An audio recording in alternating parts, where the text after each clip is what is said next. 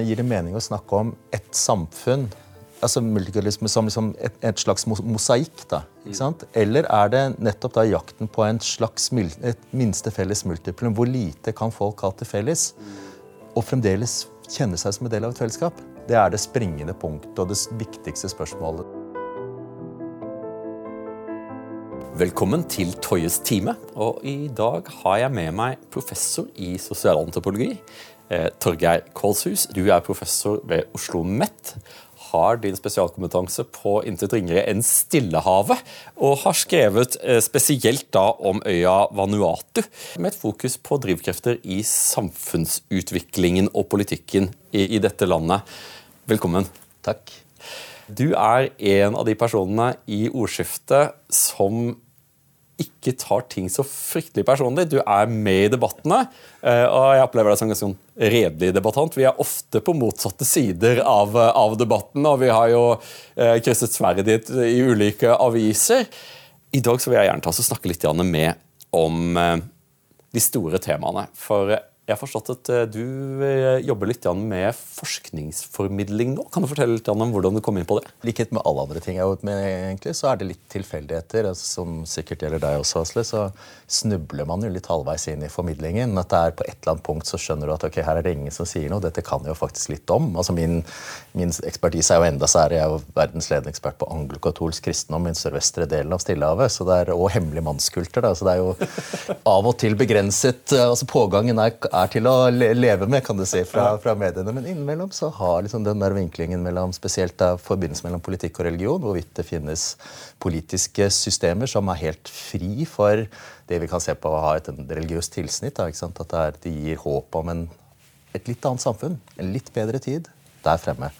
Eh, og det er jo et aktuelt tema i vel stort sett hele tiden, og stadig mer brennbart i enkelte debatter. Så, så eh, etter først å ha fått varmet opp litt, så snubla han inn i dette. ikke sant? Og så begynte vi, eh, Oliver Jakob Madsen og jeg, som hadde et formidlingskurs på for ph.d.-studenter på Samfunnsvitenskapelig fakultet sammen. Eh, og spekulere litt går det an kanskje å prøve å se litt mer systematisk på dette.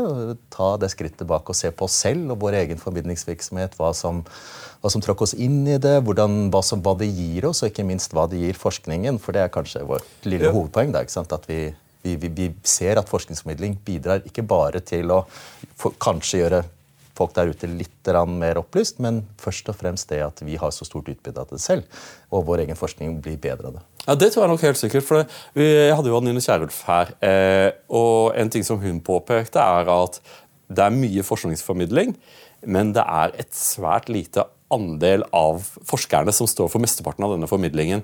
Ser du rollen mellom forskningsformidling og ordskifte? Trenger ordskifte flere akademikere? Er det det som er poenget? Hvis vi da tar ett skritt tilbake, så vil jeg først si noe litt generelt om det norske ordskiftet. For det skiller seg ut på et, på et spesielt uh, punkt, nemlig det at den er mye mer inkluderende enn veldig fleste andre nasjonale ordskifter jeg vet om har vært borti og har lest ganske bredt. Og det er blant annet Konsekvensen av det er jo at folk føler for at deres personlige historier skal angå andre. Og det betyr at man får overskrifter som 'Kjære Erna eller Å, Kjære Jonas. Jeg er ikke så veldig begeistret. Ja, jeg, ja, jeg synes også det er For de mener det aldri. Det er alltid ja. sånn, sånn kjip sånn, ja, Men, men altså, jeg, er det fordi at du og jeg sitter og trøkker ut og kjeler med liksom på sånn isbjørnmamma-vis de aller fineste formuleringene, og så blir det liksom registrert, og så blir det ikke delt i 20 000 Facebook-feeder. Ja, men du, altså, du, gjorde det verste mot meg. Jeg hadde, jeg, hadde, skrevet en kronikk der mot uh, en av dine kolleger, Thomas Julian Eriksen, som jeg av og til har også hatt noen runder med. Og så får jeg et svar i Morgenbladet der du skriver liksom at ja, naturligvis er det tilfredsstillende å, liksom, å finne den perfekte, perfide Og det var nettopp det jeg hadde gjort. Liksom. Jeg hadde funnet liksom, en formulering med maksimal injurerende kraft, men uten å være kjip, da. Eh, liksom, som er det akademikere kan gjøre. liksom, at du og det er liksom, Jeg har brukt masse tid på det, og så, kommer du og skriver at det er akkurat det jeg har gjort. Det synes jeg var litt sånn skuffende. Det ødela mye av gleden for meg. Ja, det jeg, si. jeg tar selvkritikk. Eh, Men tilbake til, eh, til, eh, til spørsmålet. er, Jeg mener at det norske ordskiftet i utgangspunktet har det som en ekstra kvalitet. Og det betyr at du og jeg, når vi skriver fra et faglig ståsted, uavhengig uavhengig av om det er forskningsbasert eller ikke, eller mer sånn generell fagformidling, eller allmenn debattdeltakelse, så må vi ta høyde for det faktum at dette her, vi må skrive til flere, for at rett og slett det når også flere, eller har potensial til å nå flere. Mm. Og så må jeg også ta meg selv i å ja, altså skru ned den radbrekkingstendensen, da, ikke sant? fordi at jeg tross alt vet at der ute så er det folk som leser, som forventer at jeg har den empatiske evnen til å kunne se at ok, dette er kanskje ikke, dette henger ikke nødvendigvis logisk sammen. I hvert fall ikke den typen logikk som jeg tenker på som styrende for en vitenskapelig virksomhet. Mm. Men likevel, det er viktige poenger her, og de må jeg anerkjenne. Ja, for En av de tingene som jeg syns er beundringsverdig Du har jo evnen til å rette et kritisk søkelys mot ditt eget fagfelt. og En, en, en sak som jeg gjerne vil snakke litt med deg om, for jeg, jeg tror det er utrolig mange misforståelser eh, omkring et ord som er viktig for sosialantropologer, eh, men som ofte blir misforstått, og det er kulturrelativisme. Og Du skrev en kjempemorsom artikkel som heter 'Kulturrelativismens skjebne i norsk offentlighet'. Det er i Norsk antropologisk tidsskrift. Jeg oppmuntrer alle til å lese den. Den er veldig morsom. Jeg tror Den har hovedtittelen faktisk 'Fra grobunn til stengrunn'. Så det er til og med en ørliten eh, Nytestamentreferanse der også. Nydelig. nydelig. For hva er eh, for Det er jo et godt eksempel på vansken med forskningsformidling. Ethvert fag har sin egen fagdiskurs og sin egen metodologi og, og, ord som vi bruker. Og de ordene kan av og til bli misforstått. Eh, kulturrelativisme, for, for, du skriver om det, jeg forstår for antropologer ikke er et verdiladet uttrykk, er det det? Nei, det er ikke det. Og det er et, rett og slett et metodeprinsipp. Ja. Det bygger, eh, Antropologien bygger Eller det, den vanligste Kortversjonen av hva er sosialantropologi? Jo, det er det sammenlignende studium av samfunn og kulturer. Så sammenligningen ligger i bunn. Vi prøver å forstå noe annet ved hjelp av noe annet. Altså, det er helt vanlig, rett og slett en vanlig oppdagelsesprosess. Mm.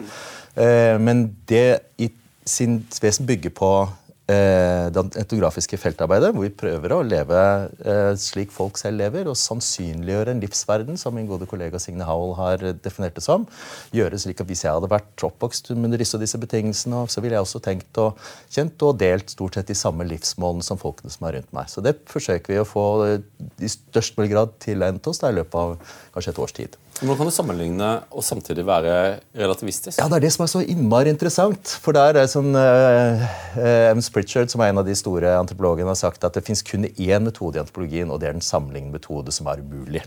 Så da kan du si at Da var jo det blåst, prosjektet blåst i fillebiter. Men man må leve med det spennet, og det er det som gjør det spesielt spennende. Fordi først, Hvis du først ser hvordan ulike institusjoner henger sammen.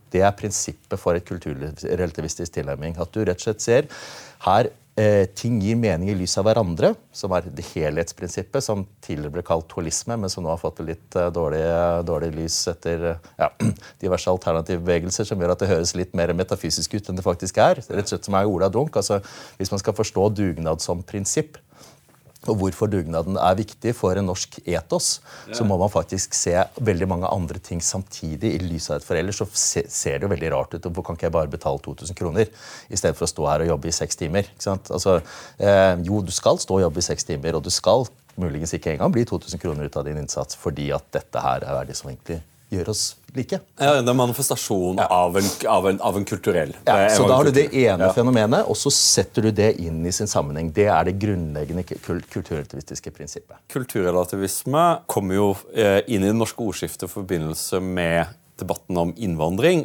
og eh, integrering i samfunnet. Og ble jo et ankepunkt fra høyresiden mot venstresiden, der man anklaget venstresiden for å være kulturrelativistiske, og så sa de nei, det er vi i hvert fall ikke. det. Ja.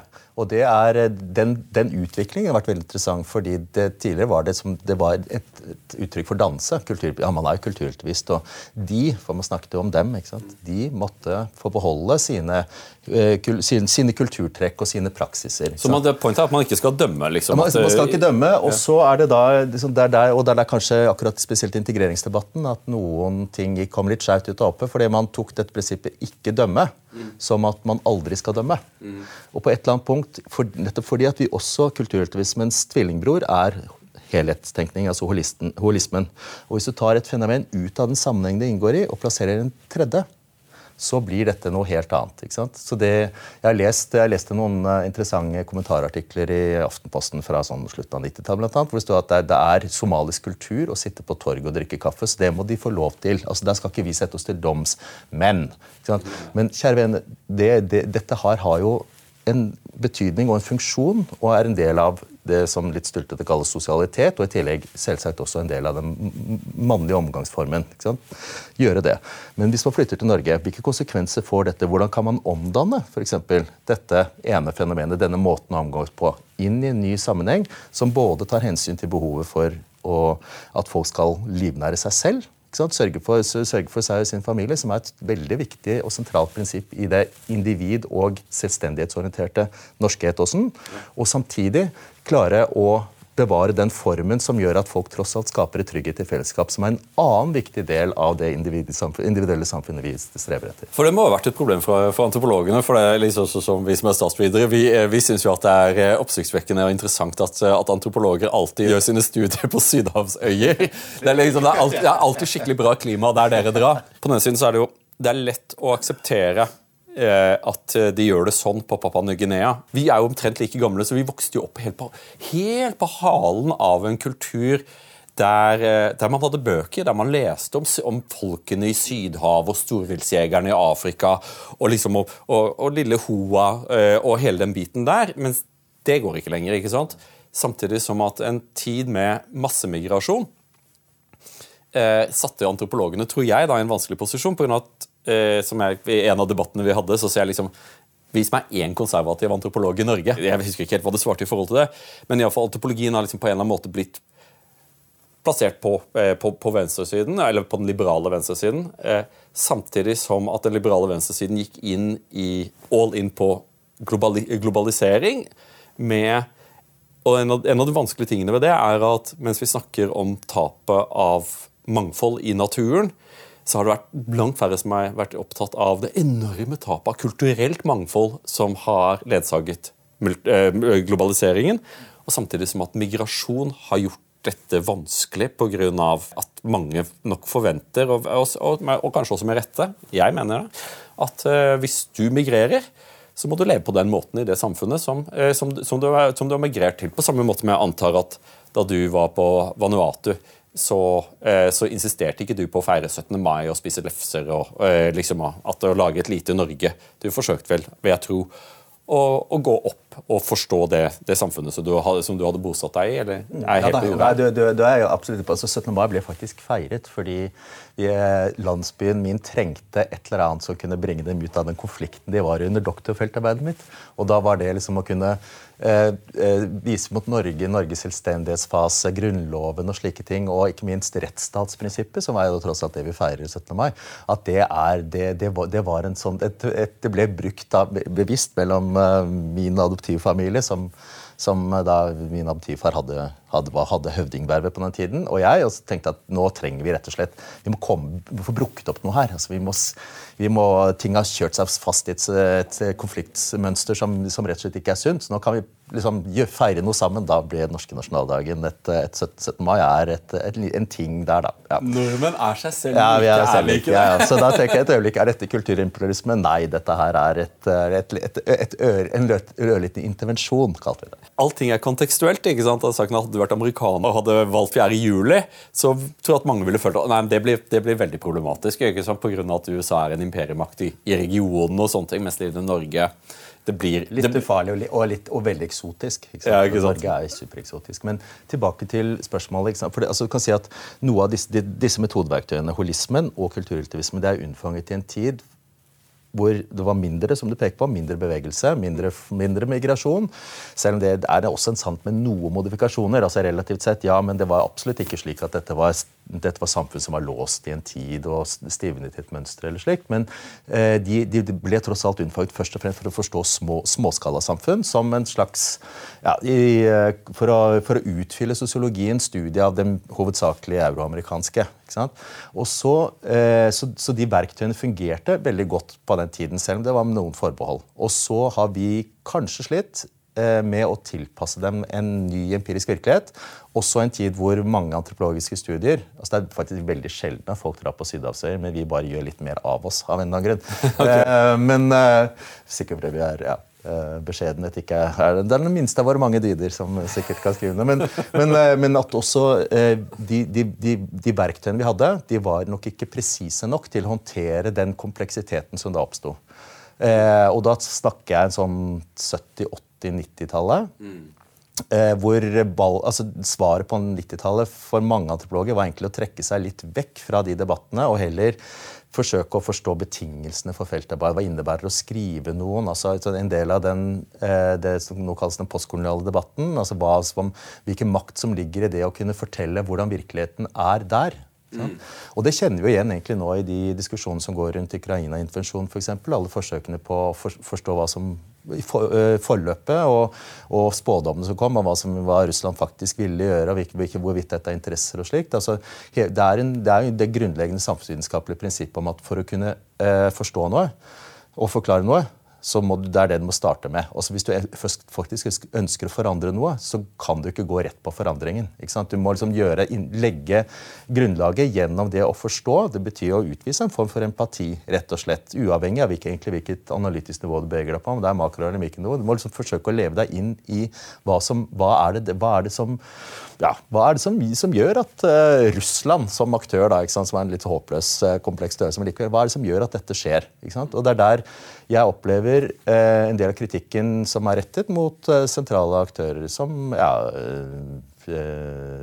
Tormod, Tormod Heier, f.eks. At han kanskje glemte, sånn rent pedagogisk, som pedagog, glemte å minne oss på at det er det han driver med. Ja, det er, Men det er, jo, det er, jo, alltid problemet. For, ja, ikke sant? Fordi, har... vet, liksom, fordi at vi, vi, som ofte snakker da, kanskje sikkert altfor ofte snakker i mediene, vi tenker at folk vet hva, hvilke posisjoner vi snakker fra. for Det er liksom blitt vant oss, og sånn er det jo ikke. ikke sant? For vi har en tendens til å overvurdere hvor, hvor lenge minnet varer om oss selv og våre, våre innsatser. Så det, akkurat den lille ekstra øvelsen som tar liksom fem sekunder, den er lurt å legge inn som et forbehold. Og det har jeg sett nå ettertid, etter at kritikken ble rettet uh, mot dem. så... Mot meg også. Mot deg også, ikke sant? Så er det som bare, som, ja, bare for ordens skyld, dette, det som har skjedd, er helt uhyrlig. ikke sant? Jeg støtter ikke dette. Ja, ja, men, men jeg har jo også endt opp opp i den type sånn apologettur. Eh, så, så Mitt problem i forhold til Ukraina var jo at jeg kunne altfor mye om Ukraina. Og så undervurderte jeg, og det er jo bare et tegn på at jeg ikke har forstått eh, så veldig mye, at når, eh, når, det er krig, så etableres narrativer. Og, og de narrativene trenger ikke å samsvare med en kompleks virkelighet. Det ligger Pga. krig i seg selv er så brutalt at eh, behovet for nyanser, ønsket om nyanser, eh, er veldig lite. Jeg har jo kommet til det punktet at god antropologi er eh, helt nødvendig for god statsvitenskap. Hvis man klarer å legge bort sin egen dømmesykhet, altså at ikke dra til et land og si jøss, det der får vi bedre til i Norge. Ja, det er ikke så bra som i Norge. Sånn som vi ofte gjør i Vesten, at vi bare vi ser på andre kulturer og, veier, og måler dem opp i forhold til vår egen kultur, og tar deg bry med å forstå at dette, denne klokka tikker kanskje etter en litt annen tid enn det vi gjør. Det er, en, det er, skrudd sammen på en annen måte. Ikke alle verdens land er en, er en analogi til Norges reise. For vi har en tendens til å tenke at at, at, er, at, allting er som Norge på et eller annet tidligere tidspunkt i Norges ja, historie. ikke sant? Det er eh, den, den sånn implisitt kulturrevolusjonisme som vi går rundt og bærer på. Og Det mm. kan lett bli provoserende for mange. Vi som ser på svenskene i hvert fall sett på svenskene de siste 30 årene, vi har også hatt, fått en liten dose av det. ikke sant? De trenger ikke å lytte til andre, fordi de vet at det de driver med, er tross alt der hvor alle andre vil komme. Nettopp, man har ikke noe å lære av mm. andre. Man har lite lære av fortiden, men har bare, man kan lytte til seg selv og sin forståelse av hvor vi skal i fremtiden. Så er, eh, det, Der er det mye å hente, tror jeg. Og det er nettopp det som du peker på. Det, det er der jeg tenker at alle bør ha litt sosialantropologi. For det gir en verktøy til å ta et skritt til siden og se seg selv litt fra utsiden. Det er jo slik at Ulike faggrener innenfor samfunnsvitenskapen har mer eller mindre prestisje på ulike tider. Og Det var en periode da antropologene var herrene i ordskiftet. Da var Thomas Hylland Eriksen var den ypperste og veldig synlig ordskifte. Eh, veldig produktiv, eh, og en ener innenfor sitt felt ble han ansett som. jeg eh, og mens du beskriver jo i, i kultur, kulturrelativismens skjebne i norsk offentlighet, så, så, beskriver du også ditt eget fag, der antropologene gikk fra å være en kilde til innsikt og, og, og, og nødvendig informasjon til å bli mistrodd som bærere av et prosjekt som mange var motstandere av, og spesielt av konservative. Spesielt i, i, i debatten om, om, multikulturalisme, der jeg hadde noen ordentlig tøffe bataljer med Lan Eriksen. Det er jo en klassisk ulikhet mellom antropologer ser samfunnet, og hvordan statsvitere ser samfunnet. Vi er jo statsvitere. Vi starter med Max Weber og, og, og, og voldsmonopolet og liksom hvordan man bygge bærekraftige stater, mens antropologene slik jeg forstår det, er langt mer organiske og ser på hvordan, hvordan fellesskap oppstår innenfor denne rammen. Eh, og Egentlig så er det jo ja takk, begge deler, men det blir satt på, forbanna på spissen når det gjaldt multikulturalisme. Ja, og der er det, ikke sant, og, og hva er multikultur... Altså, hvis, er det, Gir det mening å snakke om et samfunn altså multikulturalisme som liksom et, et, slags mosaikk? da, ikke sant? Eller er det nettopp da jakten på en slags et minste felles multiplum? Hvor lite kan folk ha til felles, og fremdeles kjenne seg som en del av et fellesskap? Og det, etter mitt skjønn, er det, det, er det, det er det springende punktet og det viktigste spørsmålet som vi nå aldri vil løse, men som det er så avgjørende at vi tar, holder fatt i når vi diskuterer med hverandre.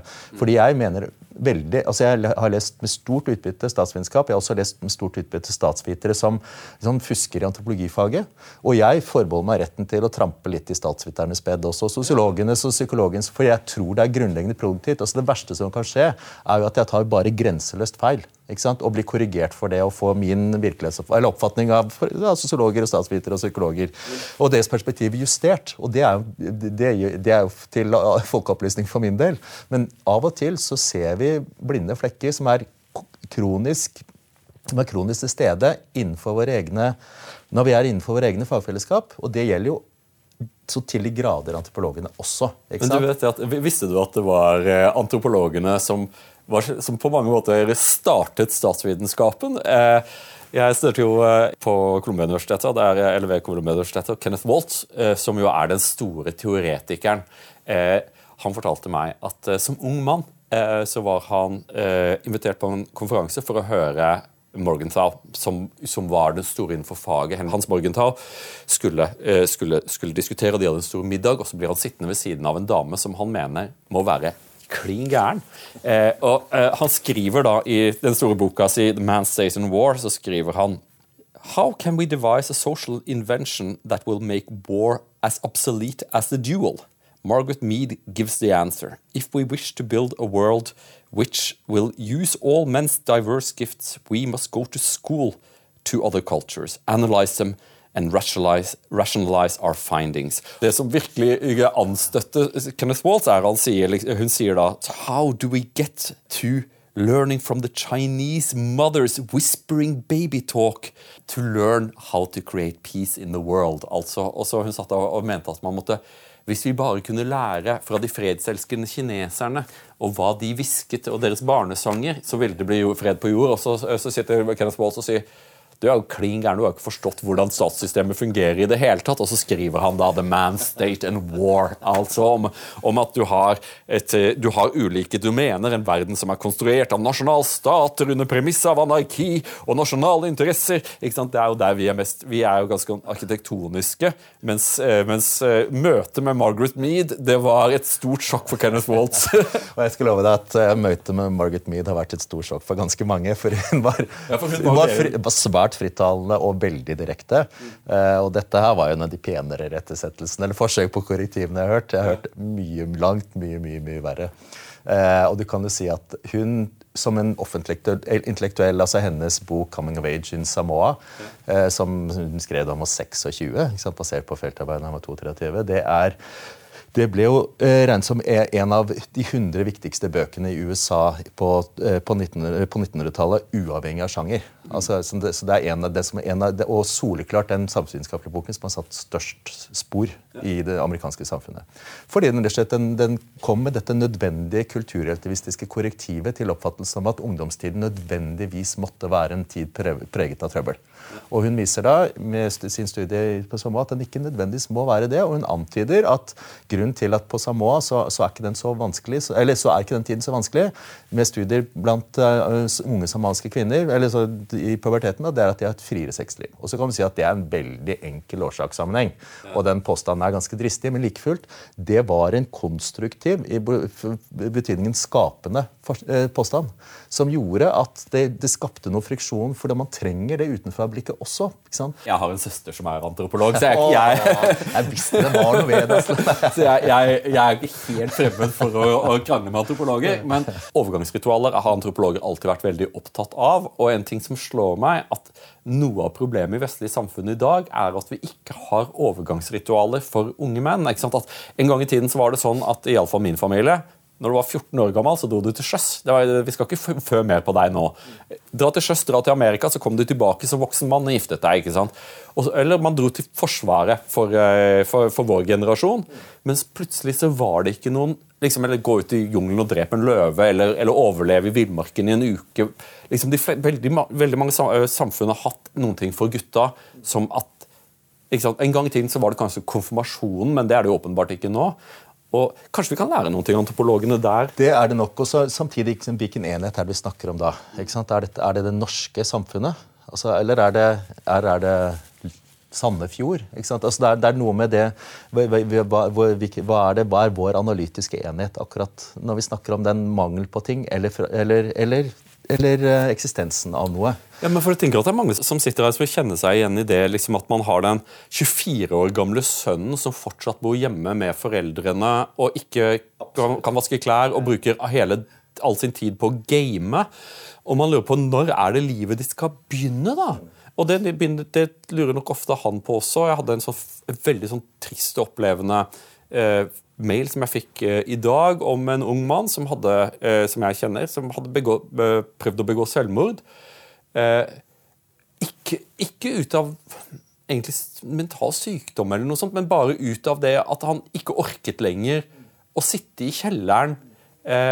Liksom, det fins en måte å starte livet på. da, Bli en produktiv liksom Bare blir sittende i en sånn guttevirkelighet og ikke kommer ut av det. Ja. Nei, det, det er et, altså, jeg, jeg, tenker Først og fremst det overgangsritualet gjør, det er å gi et felles referansepunkt. ikke sant?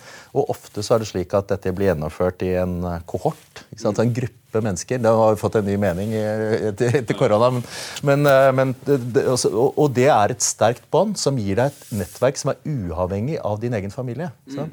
Og det er kjempeviktig. Og så kan du begynne å bruke det i dine etter hvert eh, stadig mer mm, treffsikre forsøk på å skape en verden utenfor hjemmet. Mm. Men ved at det ikke fins noe sånt lenger, og vi kan snakke om liksom, hvordan det var så det, sånn, det, kan jo være litt irriterende også, men liksom, ja, hvordan var det å være i, i militæret egentlig? Jo, jeg sto og frøs rumpa meg på skjold. Altså, det, det, det, er ting du har historier å fortelle som er uavhengig av de folkene du er vokst opp med. ikke sant? Det er, en, det er et, et, gjennomgående trekk da, i mange og også, vel å merke, ikke bare for gutter, men også for jenter. Og det er, Men for gutta, så liksom i tradisjonell måte å forstå kjønn og kjønnsforskjeller på, så har det vært slik at vi må, fordi at menn gjerne drar vekk fra heimen, og det offentlige domenet er ofte har vært menns domene, så må også gutter ut fra heimen. De må ha et oppbrudd for å kunne finne seg sine rollemodeller. For far i liten grad er til stede på en måte som gjør at du liksom organisk vokser inn i rollen. I motsetning til hva tilfellet er for jenter. ikke sant? Og Det har vært forklart som en, en sånn veldig grov tommelfingerregel for hvorfor de fremdeles er kjønnskonservative på noen felt. Jo, fordi at man trenger noen sånne oppbrudd for å få til. Så hvis oppbruddene mangler, så mangler man også den altså Man får den formen for altså rollemodelløshet da, som, som, gir en at yngre menn kommer i flyten. og hører litt ut som Jordan Peterson er. uten at jeg har lest ham ja, men, så, men, men, det, men det, det, jeg, jeg tenker at det er et av de poengene som han faktisk har igjen ganske konstruktivt satt, satt fingeren på, eller rettet søkelyset mot. Og som jeg tror at vi, etter, å ha brukt veldig lang tid på å fortelle at gutta klarer seg alltid likevel, eh, så kanskje vi må innse at det ikke er nødvendigvis er tilfellet. Og jeg har vært opptatt av at vi, at vi, løfter det perspektivet opp. fordi at mange av de indikatorene for hva som altså Bare ideen om et mislykket liv det er jo en forferdelig idé, og den er historisk unik. Men nå har vi begynt å snakke om dette, at et liv faktisk kan være mislykka fordi at vi ikke lever eh, vi, vi, vi, vi, har en idé om hvor vi skal, og så ender de fleste opp oss opp et helt annet sted. Ja. Før For oss var ikke det så innmari farlig. ikke sant? Vi kunne studere noe annet. Altså, jeg startet på teologi, jeg studerte et år. og Så, ja. så hoppet jeg over på litteraturvitenskap. Det ble, ble ikke noen forfatter eller, eh, eller kritiker av meg heller. Men god til å skrive, da. Ja, ja, det er, sånn, det er tredje sak. Altså, vi, vi, vi, men så endte jeg opp For meg så var ikke det noe mål, men jeg, sånn, jeg, jeg hadde det bra. Mm. Eh, mens nå er det som det, den der ansvarliggjøringen trykkes stadig lenger og lenger, eller tidligere og tidligere og tidligere i løpet. altså Nesten det å velge en videregående skole her i Oslo hvor vi bor, det er et eksistensielt valg. Ja, altså det og det blir for ikke å lykkes. For ikke å lykkes. Hvem skal du gå sammen med? Hva slags type fag skal det være? altså det er sånn, det, Og det er jeg så lykkelig for at jeg, jeg og, mi, og, vi og vår generasjon egentlig slapp også fordi at vi levde, vokste opp på 90-tallet, eller ble voksne på 90-tallet, hvor, hvor, veldig mange ting var i flyt, og det var alt helt i orden. Altså, det vi trodde vi visste om verden, det var liksom at ting måtte skru, skru sammen på nytt, og verden måtte forstås på nytt. Og da var det liksom ikke så farlig hva de gamle prestisjestrukturene fortalte oss. Vi kunne faktisk skape verden egentlig etter vårt eget hode.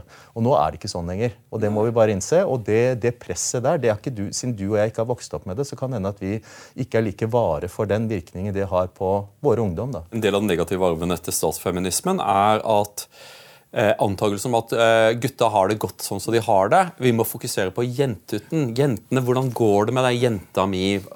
Motgang. ikke sant? Og, liksom, I Norge så er det en, en en jente fra en rik familie, privilegert familie, har lykkes i dette landet. Eller noe som rent statistisk ville vært veldig oppsiktsvekkende hvis hun ikke hadde lykkes. Men hun skal da feires, og hun skal stå der og sutre over all den motgangen hun har, mot, har, overvunnet for å nå den plassen hun etter alle solemerker hadde inne i det øyeblikket hun ble født.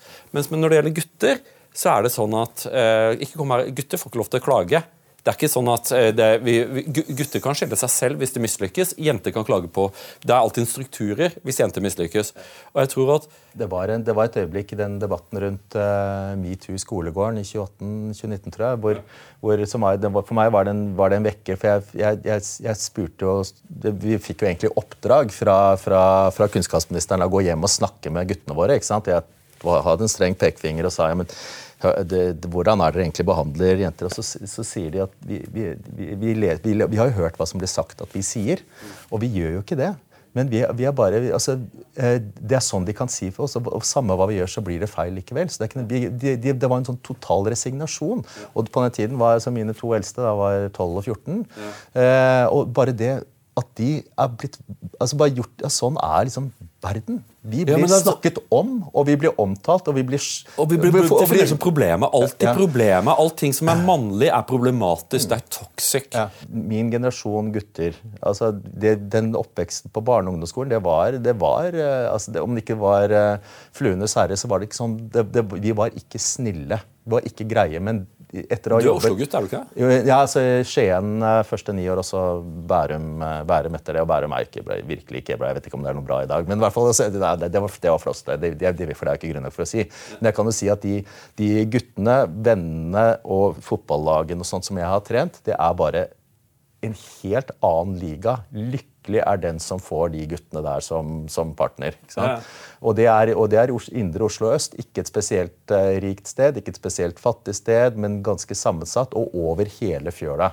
Altså Uavhengig av hvilken kultur eller etnisk bakgrunn de har. Det er så greie, sjenerøse fyrer ja. som støtter hverandre, og som også er, eh, og som ikke har noe av det der toxic masculinity-genet i seg overhodet. Så det kommer som et kulturprodukt i den grad det kommer, er på et eller annet punkt. Men vi må bare sørge for at den, den, den gode følelsen de har av å være bra fyrer, ja. At den blir videreført. Og da kan man ikke drive og snakke ned gutter over hele fjøla. Sånn som Nei, altså, men altså, Det å løfte seg selv opp gjennom å trykke ned andre, det å gjøre seg selv interessant ved å gjøre andre uinteressante spill, ikke sant? Og ja, ja. Det er det store problemet ved mye av den måten vi tradisjonelt sett har snakket om likestilling på. fordi at det har vært helt reelt. Ja, noen må gi opp makt. Menn har mest makt.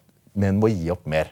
Men på et eller annet punkt så når man den perfekte balansen. Og vi er lagd sånn som, som mennesker at vi merker ikke det før vi er kanskje og har overstyrt i en 10-15-20 år. Og Der har sosiologene en kjemperolle. De har noen gode begreper om, om, sosiale felter som utvikler seg i ulik takt. Og i tillegg da statistikere og statsvitere og antropologer som kan faktisk gå inn og se hvilken altså, eh, Mengden av menn for eksempel, som ender opp eh, som barnløse, har, eh, har mer, altså den, det ufrivillige barnløsheten blant menn har, har, økt, har blitt tredoblet i løpet av siste generasjon. Det er et radikalt demografisk, demografisk skifte. Vi må snakke litt om akademias rolle i forhold til akkurat disse debattene. Du og jeg føler oss ganske komfortable med å ha disse debattene. Vi kan debattere skarpt, men vi blir aldri uvenner, og det er alltid fint. liksom. Men eh, hvorfor hvordan ser du at samfunnsforskningen skal kunne spille inn i sånne ekstremt mangfasetterte, vanskelige Det er vanskelig å gå inn i en sånn debatt uten å bli utsatt for en ganske tøff sklitakling fra en eller annen part. Det er det. Um og, altså det, og, det, betyr selvsagt at vi skal fortsette å forsøke. Fordi at I de sklitakningene så ligger det ofte også noe jeg har glemt å ta høyde for. Mm. Men jeg mener da at det, som, det spillet som forut for sklitaklingen også er noe de som tar meg, bør ta høyde for. Eh, for samfunnet er komplekst, og eh, de ulike fagene, selv om vi feirer flerfaglighet jeg altså Flerfaglighet betyr at vi jobber med hver våre ting parallelt. Mer enn det at vi finner et sånn minste felles multiplum som er det tverrfaglige, som jeg mener blir litt, ofte litt sånn uh, en dårlig suppe av liksom, litt ketsjup og litt sjokoladepudding. Så, så, uh, så, er det sånn, det, det flerfaglighet, I flerfagligheten så ligger det mye bra, men det er også det at vi um, kanskje ikke klarer helt å uh, ja, vi, titter ikke ofte nok over gjerdet da, ikke sant? På, på de andre driver med, eller anerkjenner gyldigheten, eh, gyldigheten men at, at, det liksom skal være minst like interessant og relevant og spennende som det jeg, som det jeg driver med. Og i de taklingene så, så, så, så, Gjennom det så lærer jeg mye. Dette er en påstand. Mesteparten av samfunnsforskning vil til enhver tid gå med til å bekrefte det til enhver tid rådende verdensbildet. Eh, så det å gå utenfor er noe som, som kan være vanskelig for akademikere. Og dette eh, det mener jeg Eh, er, er, sant til alle tider.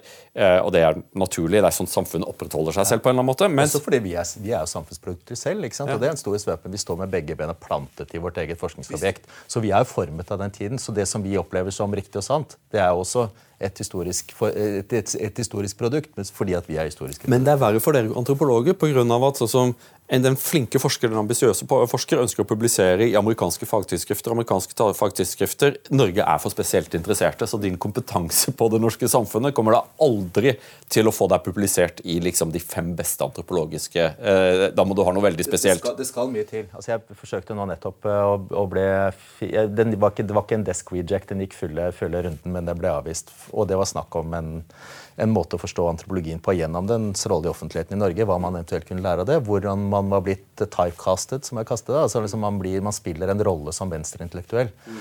Eh, og det er med på å hindre det, det ja, rett og slett det, det, det kreative potensialet i en antropologisk kritikk, som ikke trenger å være en innertier, nødvendigvis, men som sier noe litt annet. Og den får, i hvert fall får folk til å ta en ekstra runde. Da.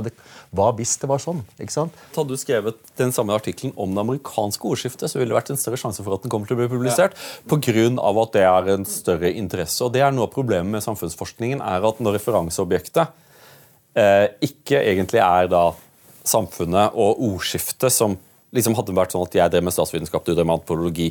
Vi forsøker å formidle inn i det norske ordskiftet eh, våre funn har relevans for ordskiftet. Men når vi da blir styrt mot å publisere i journaler der det er enkelte temaer som er interessante For meg så er liksom geopolitikk, eh, atomkrig, den type ting, det får du publisert innenfor statsvitenskapen, innenfor krigsstudier. Eh, men Norge er et veldig lite land. Vi driver ikke med geopolitikk, og vi har ikke atomvåpen. Eh, ikke? Og blir, eh, det, blir, det, kan lett bli sånn at ordskiftet refererer til den store verden som ikke finnes, på en eller annen måte, mens de nære tingene blir underdekket dersom det er akademikerne som skal ta større plass i ordskiftet. At, at vi er de som kommer og bringer liksom, den siste fra den amerikanske fagdiskursen inn i Norge, ofte uten at det egentlig hjelper oss så veldig mye, pga. at vi er på et annet sted. Ja. Og det er et problem altså det, det Sosiolog Pierre Baudieu og antropolog sosiolog Louis Bacon kalte Uh, the, on the Cunning of Imperial Reason, som er en fantastisk tittel og ganske infam artikkel, som går rett og slett i, i, peker på hvordan amerikansk samfunnsteori, og begrepet spesielt, flyter ganske uhindret over Atlanteren mm. og koloniserer faktisk. Eh, det, det, også Franskmennene har sin egen intellektuelle tradisjon, som mye, står, står, veldig mye sterkere. Eh, motstandskraften deres er sterkere enn det vår malsannsynlighet er. Og spesielt, som du peker på, for hvis man vil publisere amerikanske tidsskrifter, så må man play along to get along. ikke sant? Man må bruke de begrepene og de teoriene som da passer og er unnfanget i en amerikansk sammenheng. Som og som er, er, som er, gode verktøy med all sannsynlighet for å snakke om amerikanske virkeligheter, men som da blir blåst opp eller brukt som universelle verktøy. Og det er liksom antropologens viktigste lærdom. Det fungerer ikke. Det ikke Rett om fordi man ikke tenker holistisk og kulturrettsvisst på det. Men likevel så er det altså slik at belønningsstrukturene innenfor publiseringsbransjen gir denne muligheten til å ja, rett og slett ta noen etter mitt skjønn, intellektuelle snarveier.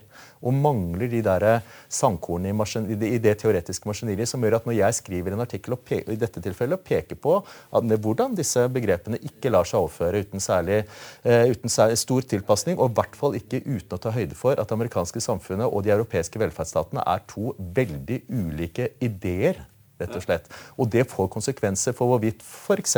strukturell rasisme gir, er et meningsfullt begrep i en, europeisk kontekst. Så jeg, jeg foreslår litt, og det kanskje det, det, var litt for retorisk, men jeg foreslår en dekolonisering av det amerikanske, eh, av amerikanske begrepsapparatet. Det verste jeg opplever, er at nordmenn står og snakker til andre nordmenn på engelsk for at liksom, det blir liksom mer vitenskapelig hvis vi snakker engelsk med hverandre. Eller som, eh, som popmusikken på engelsk-norsk-debatten på 80-tallet var. Jeg har følelseslivet mitt på engelsk, som norsk artist uttrykte det. Ja, ikke sant? Altså, det tror jeg faktisk Enten veldig tamt følelsesliv, eller så har du det ikke. Det er en stor debatt i The Economist nå om hvordan amerikanerne har kolonisert deres politiske vokabular. og så påpeker liksom at, at journalistene skriver om whistle stop tours, og så, sier, skriver The Economist at i, i, i hele Storbritannias historie har aldri en politiker holdt en politisk tale fra en jernbanevogn. Det har aldri skjedd. Det er en unikt amerikansk ting.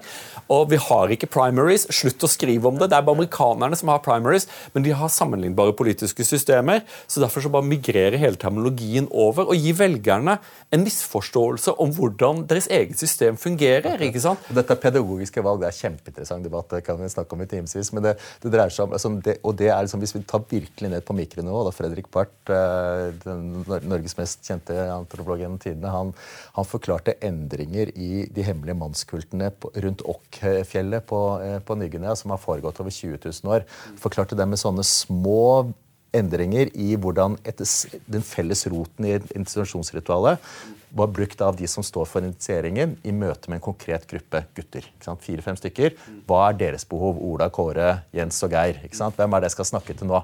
Og så justerer det ørlite grann, så blir det justert ørlite grann, og alt er basert på en, en vilje, et, eller ønsket om at dette skal nå virkelig, de skal forstå innholdet. Men med tiden, summen av, altså det, det, summen av mange sånne små pedagogiske valg gjør at til slutt så fremstår disse som åtte helt ulike systemer, selv om man kan se at det er en felles rot her. En av de trendene som jeg mener å se i våre samfunn, er at eh, mens en høyutdannet, en universitetsutdannet øvre middelklasse har tatt over og erobret veldig mye av ordskiftet, bl.a. gjennom å si at du må artikulere deg på en viss måte for at, at jeg skal akseptere dine argumenter. Eh, og det er ofte universitetsutdannelse er nødvendig for å kunne være, stå i en, i en, tøff debatt. Det, som, der du og jeg f.eks. krangler om noen ting, så er fordelen at vi har universitetsutdannelse, så vi kan, vi kan fornærme hverandre på det groveste, men aldri gå, og vi kan aldri ikke være vulgære. ikke sant?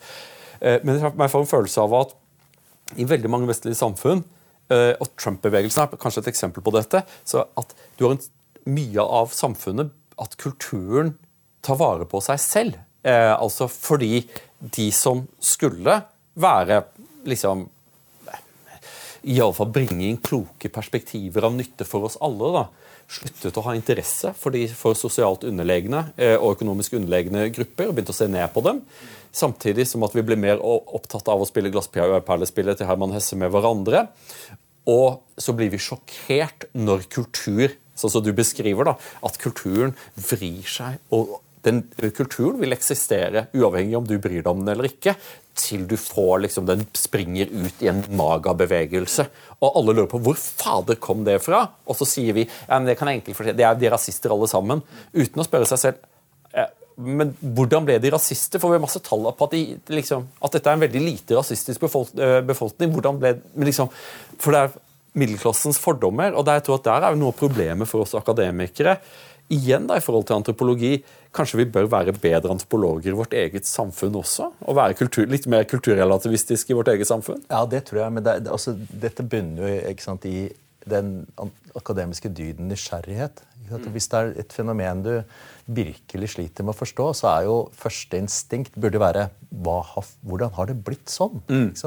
Uh, og jeg forsøker å leve etter det selv, da, selv om uh, altså, heller nysgjerrig enn flink. Og flink er liksom, Det å være klok det er det verste du kan bli kalt. Altså, det er klok, det, det er en intellektuell dødsdom etter mine begreper. Flink er bra, for det betyr å arbeide sammen, men tross alt nysgjerrig, det er noe å trakte etter.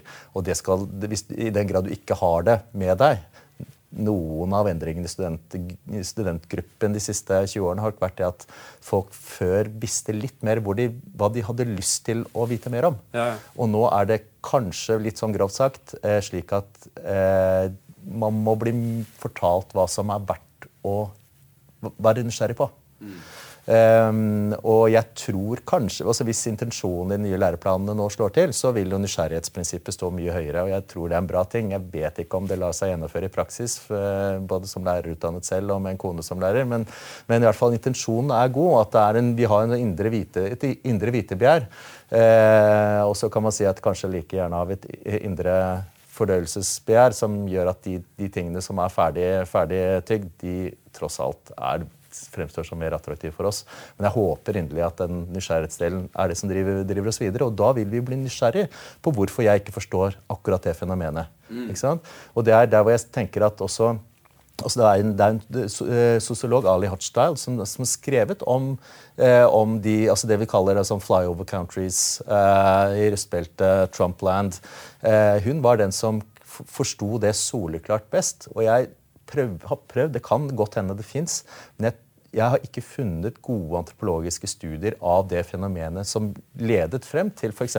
valget av Trump, og den følelsen av å ja, Hvorfor, altså Det er ikke så rart heller. Hvis du blir fortalt eh, liksom, at hvis du bare gjør det du skal, så, så, vil oss, du få det bedre, og dine barn få det bedre. Og så skjer jo ikke det. Ikke så skjønner du at mer av det samme liksom etter, etter 20 år med å bli fortalt at ja, jeg har gjort det jeg skal, og så skjer det likevel ikke noe. Tvert imot. En følelse av å rykke bakover i køen. Og så kommer det noen og forteller at hvis du bare altså, fortsetter å stemme på status quo, det gir ikke nødvendigvis Det er ikke noen innertier, det. Nei, nei, men så Den boka som, som, som, alle har lest, da, det var jo 'Hillbilly Elegy'. Mm. Eh, JD Vance. Ja, JD Vance. Eh, og, og så, så, han er jo en fyr som ikke kommer fra akademia. Akademikerne elsket den. Det er den ting som Vi elsket det eh, så like mye som vi elsket The Wire. ikke sant? For på en eller annen måte så passet det med en historie vi ønsket å bli fortalt. Og så skrev han den på en måte, for han har jo utdannelse, han skrev på en måte som vi kunne være i stand til å svelge det. Eh, men da JD Vance eh, omfavnet Donald Trump og ble politiker, ja, var, så var vi ikke da, Det var en fall from grace. Altså. Det var, det var en ordentlig fall from grace. Eh, noe av problemet med akademia det var noen ting som som jeg snakket med, med Anine og Kjærulf om også, er at eh, vi er så fullkomne i, og vi er så sikre på at den kapitalen vi har, er det pure gull. da. Eh, samtidig som at eh, vi burde forstå vårt eget samfunn og hvor vi selv kommer fra, i, i større grad. Eh, for, å være, for å kunne spille den rollen som samfunnet på sett og vis har tiltenkt oss. da. Og det, liksom det å være eksperter. For det er jo sånn som når, når, når den britiske utdanningsminister Gau, eh, sier, Michael Gove sier 'people are tired of experts', det er noe som man aldri kommer til å glemme. Liksom. Det, folk ble så sjokkert. Folk kan tenke seg til. De er lei av eksperter, men er, folk er jo drittlei av eksperter. Ta en tur til der slekta mi kommer fra. Liksom, gå en tur på Bideskudenes havn og, og, og flagg doktorgraden din og at du kommer fra Østlandet. Skal vi se etter om du, om du kommer hjem uten å få juling, liksom. Folk er ikke så forbanna imponert over oss som det vi tror at de er, da. Nei, øh, og jeg tenker nok at øh, den, I den grad vi kan bruke ydmykhet som en, en slags sånn, et omdreiningspunkt, så, så, så øh, i utgangspunktet så tror jeg antropologer har et lite fortrinn der. Altså, fordi at vi tror vi vet at verden kunne vært annerledes. ikke sant? Og, og også i tillegg da dette, det, altså hvordan, hvordan, de metodiske verktøyene våre egentlig stimulerer til selvinnsikt i større grad. I hvert fall til selvutfordring. Eh, og at refleksivitet som sådan er, er, er en veldig sånn kjernesunn virksomhet. Av, altså det verste som kan skje igjen, er at vi kommer ut og er overbevist om at det vi det vi tenker og tror forutsetningene våre er de riktige, og de er på plass. Men i, eh, men i, i beste fall så vil vi faktisk endre dem. Og i møte med mange nok som tenker annerledes, opplever ting annerledes, så er, ligger det også Det er ikke bare noe jeg kan beskrive, men det er også en sånn hva hvis. Hva hvis?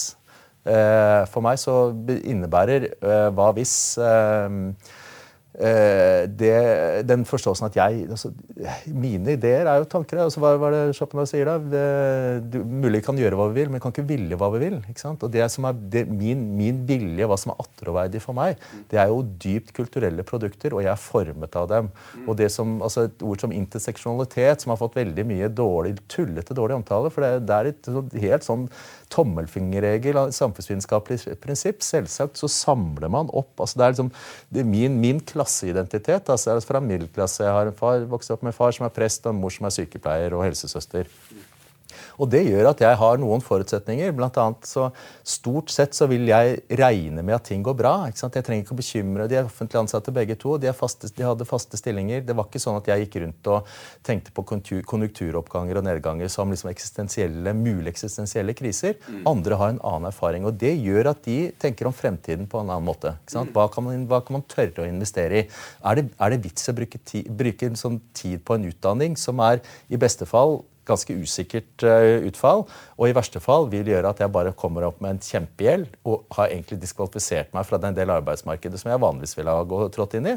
Og dermed hatt en, i hvert fall en lønn fra jeg var 18-19-20 år gammel. Så Samtidig som at du kanskje undervurderer det at eh, du har fått inn med morsmelka en forståelse av hvordan dette systemet fungerer. så du har, Selv om du, har, selv om du sier jeg vet ikke hvor denne reisen kommer til ende, så har du i hvert fall en forståelse av hvor øyene ligger i dette havet. Mens jeg tror at hvis du har vokst opp uten det, så er det vanskelig å se for seg Ja, men hva kommer ut av dette? Hvor skal jeg lande da? ikke sant? Ja. Ja, det er, nok, det er nok slik, altså, Om jeg ikke visste helt hvor øynene lå, og heller ikke visste hva en kollokviegruppe var før jeg begynte, så, så, er det først og fremst det at jeg, jeg, jeg, når jeg drar på familieselskaper, så, så blir, ler ikke folk av at jeg har studert sosialantropologi. Liksom. Kan ikke du fortelle en gang til hva, hva, du har studert, og så blir det en stående vits? ikke sant? Ja. Eh, så, og, og, og, og, det som et, som et lite knepp da, ikke sant, i den der erkjennelsen av tross alt, det er, det er mye som har vært med å forme meg. Kulturer, åpenbart. Klassetilhørighet åpenbart. Det faktum at jeg er eh, mann, åpenbart. Altså, og disse tingene gjør at jeg ser på verden på en litt annen måte enn andre gjør. Og så er det min, min plikt da, til å forsøke å se hvordan verden oppfattes, oppleves og ja, eh, leves ut har jo blitt assosiert med, med Fremskrittspartiet. I'll never live that down. For jeg sa ja til å sitte på eh, det utenrikspolitiske utvalget til Frp. Eh, og etter det så ble jeg da Frp-forskeren, så det har liksom uh, rasert mitt ettermæle blant mine kolleger for, for all tid uh, etter. Men en av de tingene som var morsomt med liksom, å komme inn i Frp i antropologisk forstand, da, var liksom at jeg ble da kjent som den gale professoren. jeg bare, hvorfor, kaller, jeg, liksom, hvorfor kaller du meg det? Nei, det er på liksom at jeg hadde så mye vekttall at omtrent liksom tøt ut av ørene på meg. At det var en kilde til mistro. da. Her kommer gærne professor, liksom. Eh, og, for jeg er vant til en grad av ærbødighet, liksom. Vi er jo akademikere. ikke sant? Vi har stripene på skulderen eh, og liksom bøy kne her, liksom. Eh, mens, mens, i Frp så var det ikke slik, og jeg syns det var kjempeinteressant, faktisk. Eh, at det finnes liksom en en annen kultur som verdsetter helt andre ting. Der liksom det å kunne skru Amcar ble vurdert mye høyere enn min doktorgrad, og det syns jeg var forfriskende og fint. da. Å liksom, forstå den biten av samfunnet også. for det, det er jo mye av min slekt som jo kommer fra akkurat dette liksom mer nevedyktige delen av befolkningen. Ja. Nei, og, og, og, det samme her. ikke sant? Jeg vet jo at eh, og, Det, det er liksom ekstremtilfellet når jeg drar på feltarbeid og ikke minst jeg dro der første gang, så jeg kunne jo ingenting av det som var til å kunne der. Absolutt ingenting. Men samtidig så ble jeg tilskrevet de mest fantastiske egenskaper. For jeg var jo, som, som en hvit europeer, så visste jeg jo både hvordan man bygget fly og kunne fly dem, og hva, hva, hva som dreide seg om måneraketter og alt. Altså jeg, var, jeg, var, jeg sto for alle verdens underverker, mens de selv konsekvent undervurderte det de selv kunne, som er å kunne alt. De, de, lager sin egen mat, de bygger sin eget hus. De, altså alt, alt, dette her er ting de får inn. Ikke med morsmelka, men liksom, de, man vokser inn i dette og tar for gitt mye av de tingene som jeg ser på som rimelig fantastisk. Jeg ble konfrontert med akkurat dette en helt, i en helt annen kontekst. Jeg dro til Venezuela, som er et land som har opplevd en av de største statskollapsene som har skjedd noe sted til noen tid. Eh, og se hvordan da det rikeste, mest avanserte, mest høyutdannede samfunnet i hele Latin-Amerika bare klapper sammen. Og, og, se hvordan det går med akademikerne. For akademikerne, saken er at for vi, vi, vi, har en tendens til å være veldig arrogante og si at ja, men alle kan jo være bonde. Det å få en ordentlig avling, det klarer du ikke. Ikke, ikke, ikke uten å kunne det. Det å strekke en stol, det er ikke enkelt. Prøv. ikke sant? Så det at, det at vi, eh, liksom Det er en arroganse også blant de høyutdannede, der man nedvurderer eh, dugelighet, altså nevedyktighet. Mens det er jo de nevedyktige som overlever den krisen i eh, Venezuela, og som, som liksom spikrer seg en, en, seg en, liten, en liten bod og, og, baker brød, for kona kan faktisk bake noen ting som er godt nok til at noen er villig til å betale for det. Mens også se da akademikerne i sine loslitte dyre pikétrøyer rote rundt i søpla eh, etter mat å spise, det var en sjokkartet opplevelse og fikk meg til å revurdere en del av mine antakelser om hierarkiene i samfunnet. Ja. Og det er, eh, altså det forteller kanskje litt om sin, sin stemning de siste tre-fire månedene. Men, jeg har tenkt litt eh, rundt altså, den matkrisa som meget mulig vil inntreffe. En global matkrise. Eh, hvilke konsekvenser ville det fått for meg? Altså liksom det, det, Hvis det skulle skje, og for min familie, føler jeg et ansvar for å sørge for at de faktisk kan sånne ting. Da, og hvem skulle jeg lært dem det? Det, det ville ikke vært meg. Eh, og, og det, det, er liksom i det eh, Og bare det å kunne liksom Igjen sånn Uh, og det, det, det, er ikke, det, er, det, er bare, det er et spørsmål om ørlite grann fantasi. Kanskje litt uh, dommedags, uh, dommedagsanlegg også. Men for, for, å kunne, for, å kunne, se hvilke følger dette får altså Vi hadde litt tendens til det i begynnelsen av pandemien, første par-tre månedene, hvor mange av de bit, altså hele, hele, egentlig, hele logistikkapparatet, det verdensbaserte logistikkapparatet ikke kollapset, så ble frosset i sine enkelte bestanddeler. Og mye av det Vi skjønner liksom hvor til de grader avhengig av at så mange millioner mennesker gjør jobben sin for at jeg skal kunne gjøre jobben min. Mm. Og det er, en, det er, et sånt uh, altså et ydmykseksplosjonsøyeblikk som ydmykhetseksplosjonsøyeblikk som jeg skulle ønske vi kunne fått en sånn hvert femte år. altså Innført en, en måned hvor liksom ting bare lå. ikke sant?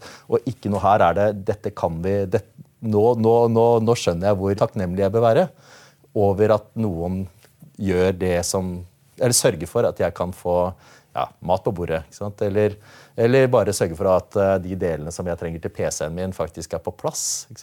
Mm. Der, eh, og, og dette, dette, høres litt sånn Ja, kjære vene. Men, men, jeg vil jo gjerne at vi gjør det opp, uh, hyppigst mulig. For det er, et, det er liksom vaksine mot menneskelig overmot. Og det menneskelige overmotet som, som, som jeg lever veldig godt på. For det gjør at jeg kan som, som professor i sosialantropologi tenke at ok, jeg driver tross alt med viktige ting. ikke sant? Selv om jeg ikke tror at, eh, selv om jeg vet at liksom, jeg er nok mer avhengig av rørleggeren enn det rørleggeren er avhengig av ja, kunnskap om uh, anglokatolsk kristendom i sørvestlige del av Stillehavet, så er det likevel slik at jeg liksom bidrar med ørlite grann da, i denne store, store, store, store, store fellesskapet. ikke sant? Mens tross alt, på et eller annet punkt, så, dette, så er dette et overskuddsfenomen, og det vil det fortsette å være. Mm. En av de tingene som, eh, som jeg syns er, eh, er, kjempegøy med deg, Torgeir, er at du er så positiv på vegne av ditt eget fagfelt.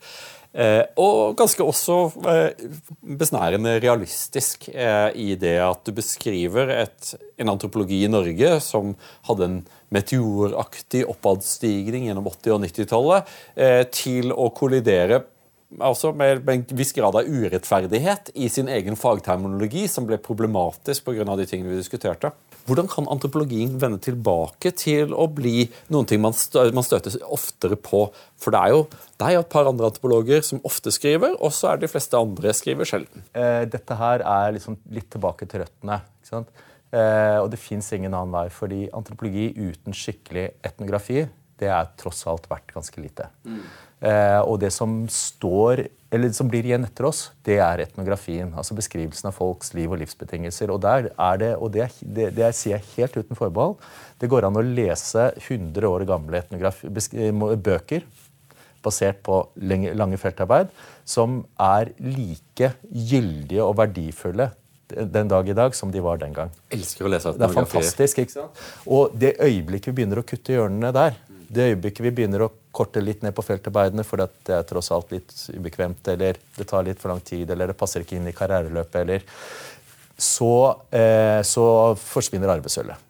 Så det tilbake til altså Bare insistere på at de lange feltarbeidenes tid Håndverket, altså. Håndverket. Og den, den For det, det, å være på feltarbeid ok, Stillehavsøy én ting, men det å være konstant kronisk utsatt for alt det som skjer rundt deg, veldig fjernt fra det du er kjent med, det er, er slitsomt. Eh, på et språk som liksom snakkes av tusen mennesker. Det må, må, du lære deg for å få med deg det som foregår. Det er slitsomt. Og det er kan, Til tider så blir man overmannet av den følelsen av ja, mak, Ikke maktesløshet nødvendigvis, men altså tilkortkommenhet. Eh, men det er også noe vi må utsette oss for. Og det gjør heldigvis de aller aller fleste antropologistudenter. Um, og det gjør at liksom sånn, altså Jeg nevnte Signe Hall tidligere, Hall, ja. som er nå pensjonert professor. Nok den antropologen, norske antropologen som, som, er godt under radaren i offentligheten, men som er blant, Alle snakker om Fredrik Barth. Fredrik Barth. Uh, Signe Howell er, eh, er, vel kanskje nummer to av hva, hva internasjonal anerkjennelse angår. For hun har bare aldri gitt et gitt noe som helst ved dørene på hva betydningen av etnografi angår. Og kvaliteten på det. Lange feltarbeid, kunne språket, holde ut. 'Societies at Peace' er hennes en helt fantastisk eh, bok som hun, eh, som hun, redigerte sammen med en britisk kollega, som rett og slett pirker dette ja, evolusjonspsykologiske eller sosiobiologiske påstanden om at, vi, altså, om at krig er naturtilstanden. Tvert imot. ved grundige, superlangvarige, spennende eh, studier av små grupper som lever halvveis integrert, halvveis atskilt fra, fra samfunnet rundt, så viser hun hvordan liksom, de, de, de, mekanismene her sannsynliggjør at eh, menns tilstand ikke nødvendigvis må være konkurranse mot hverandre i kamp om å spre sine gener bredest mulig, for å si det litt sånn klisjéaktig. Og bare det lille den lille omveien til tilbake, som kanskje justerer vår oppfatning av hvordan tingene egentlig er, eller hvordan vi ville vært hvis alt rakna. Det er i seg selv den verdien som, som, et antropologisk perspektiv kan bygge. Fanke, nå, nå, var vi så godt på, på, på, vei, og så blir jeg kjempeuenig med deg. For, for saken er liksom, og da, liksom, da jeg, Plutselig så begynner reptildelen av hjernen min å tenke ok, greit, here we go. At det er sånn som vi, har, vi skal ha et mannsutvalg i Norge nå. Og hva er det, det, det Hvor lang tid tar det før noen sånn kommunekjerringer med bolleklipp kommer og sier at jeg, men det vi må fokusere på, er de feminine guttene? Gi, hva om vi gir faen i de feminine guttene et lite øyeblikk og liksom la oss et lite øyeblikk slutte opp det trene opp guttene til å være jenter og belønne dem for å være jentete, og så erkjenne at Gutter er på en eller annen måte. Eh, de, de, er, de, er, de er, mer fysiske, de er, er mer voldelige. vi menn har vi hatt hos testosteron, vi er langt mer aggressive. Istedenfor å sykeliggjøre det å være menn, så liksom ikke kom og fortell oss om, liksom, om småstammer i, i Sydhavsøyene som man har funnet, yes, yes. som er mer femi enn oss. Det går liksom. an å se det sånn. For meg, for meg så er dette et budskap som er tvert det motsatte. Det viser bare bredden i hvilket, altså hvilket repertoar vi menn, gutter eh, eller alt imellom har sant, til, tilgjengelig. Ja, okay. Og det sier at vi er ikke vårt kjønn. Vi kan velge å gjøre andre ting. Eller vi kan lage strukturer og lage et samfunn da, hvor, hvor, det å Men hvordan, passer, hvordan, tilpasser du dette med at liksom, når du er på Sydhavsøyene, så sier du liksom at å, må være kjempeforsiktig forsiktig, så jeg ikke påvirker forskningsobjektet.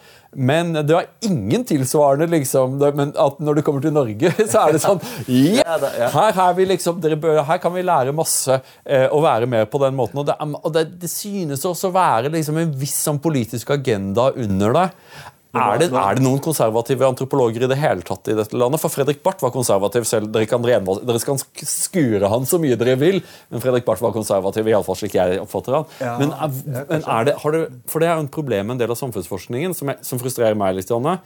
Eh, Uh, og det diskuterte liksom, vi, Både jeg og Anine Kjærulf studerte i Amerika og syntes det var så utrolig fint å se liksom, ulike fagdisipliner eller deler av fagene sette hverandre i stevnene. Ofte samsvarer det med at du har en liberal, du har en sosialistisk, du har en konservativ gren. da, At alle er representert. Mens i Norge har jeg rett når jeg sier at er, det, er, er, er dere mangfoldige nok i rekrutteringen i, i, norsk antropologi? For jeg er fan av dere, uh, men jeg tror at dere kunne levere enda bedre. Det er et vanskelig spørsmål. Eh, for dette har en tendens til å bli eh, det ene tar det andre tar det tredje. Og Det er det som er mitt anliggende i den artikkelen du har henvist til også. At, eh, for jeg mener jo at antropologien i sitt vesen er, den er politisk utro. Fordi den er så bundet til det som skjer på bakken, at den rett og slett ikke kan bli eh, frikoblet fra liksom, den, altså den, den, De empiriske rammene gir, gir konklusjonene. Og så ser jeg samtidig at mange stiller spørsmål ved dette. ikke sant? Og, at, eh, som, og det er antropologer som snakker. Da jeg skrev, skrev for Aftenposten i sin tid, så la jeg virkelig alt jeg kunne inn i å ikke bli politisk forutsigbar. Hvis jeg skrev om en sak som kunne bli knyttet til venstresiden i neste, i første, så skrev jeg om en sak som kunne bli knyttet til et, venstre, et høyreside. Det, det, det, er derfor jeg alltid leser, for jeg vet, jeg vet, ikke hvor du kommer til å lande. Nei, og det, og det er ofte, ofte er jeg uenig med meg selv også. Liksom, for jeg sier ting som jeg av og til som er liksom, yes, var dette, Hvor kom dette fra? Men jeg får beskrive det. Eh, så, men, men, for, så, men hvis, hvis, det, er slik at vi blir lette å liksom, plassere hvis den utroskapen blir liksom De hører hjemme der, punktum. Samme hvilke farger ellers viser, forsøker å vise frem, så vet vi at i bunn og grunn er det dette.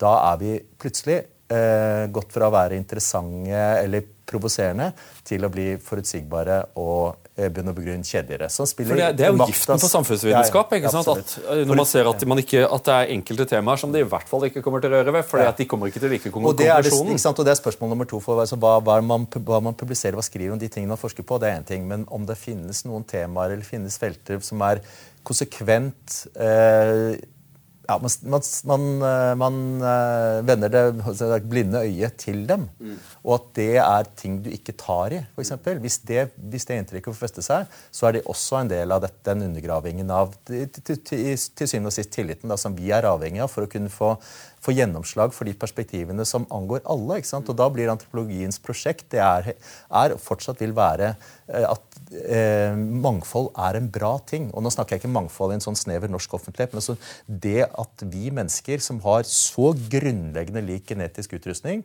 har skapt så vanvittig mange ulike former for liv i møte med både eh, økologiske betingelser, men som de forklarer på ingen måte alt.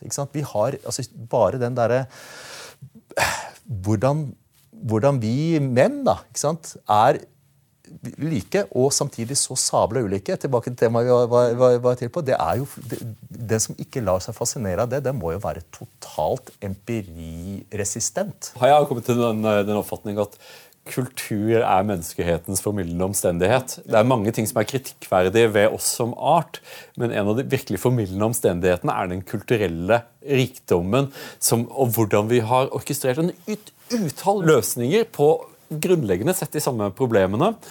Uh, og det, liksom, det, å kunne lese god antropologi er noe som jeg faktisk gjør veldig ofte når jeg skal skrive om steder som Ukraina eller Russland.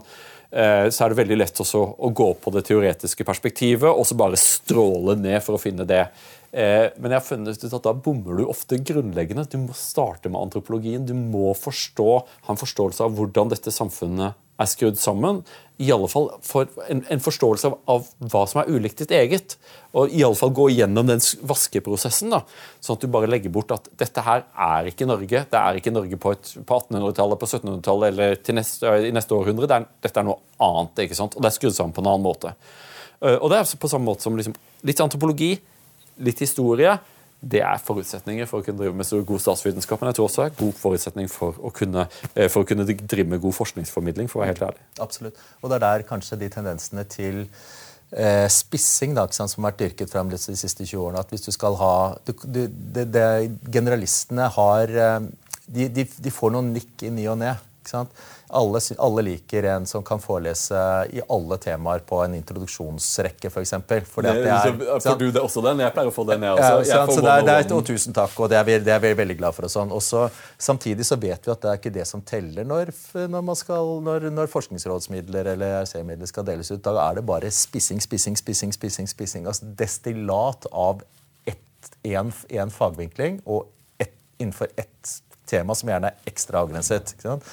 Og det fraråder jo, i en travel hverdag for mange akademikere, så fraråder jo den, den, den litt sånn store Eller tenkningen rundt de store spørsmålene. ikke sant? En av de tingene som man ser innenfor veldig mange samfunnsfag, iallfall i alle fall de jeg har fulgt, da, er at det har blitt stadig færre av sånne som deg, altså generalistene. Altså The Fox and the Hedgehog.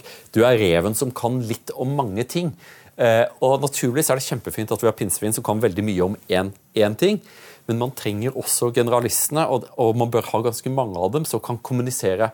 Eh, ja, Som har bør ha en oversikt over hele feltet, i alle fall, liksom på, på noe nivå. Eh, og Det er helt så synd at ikke det blitt prioritert i denne her eh, målstyrte universitetsmodellen som, som, som man har eh, eltet fram i Norge. Ja, jeg, jeg er enig. Eh, uten forbehold. Uten forbehold. Vi stopper der, Torgeir Kolshus. Det har vært en glede å ha deg på Torjus time. Takk så mye for at du kom. Bare hyggelig.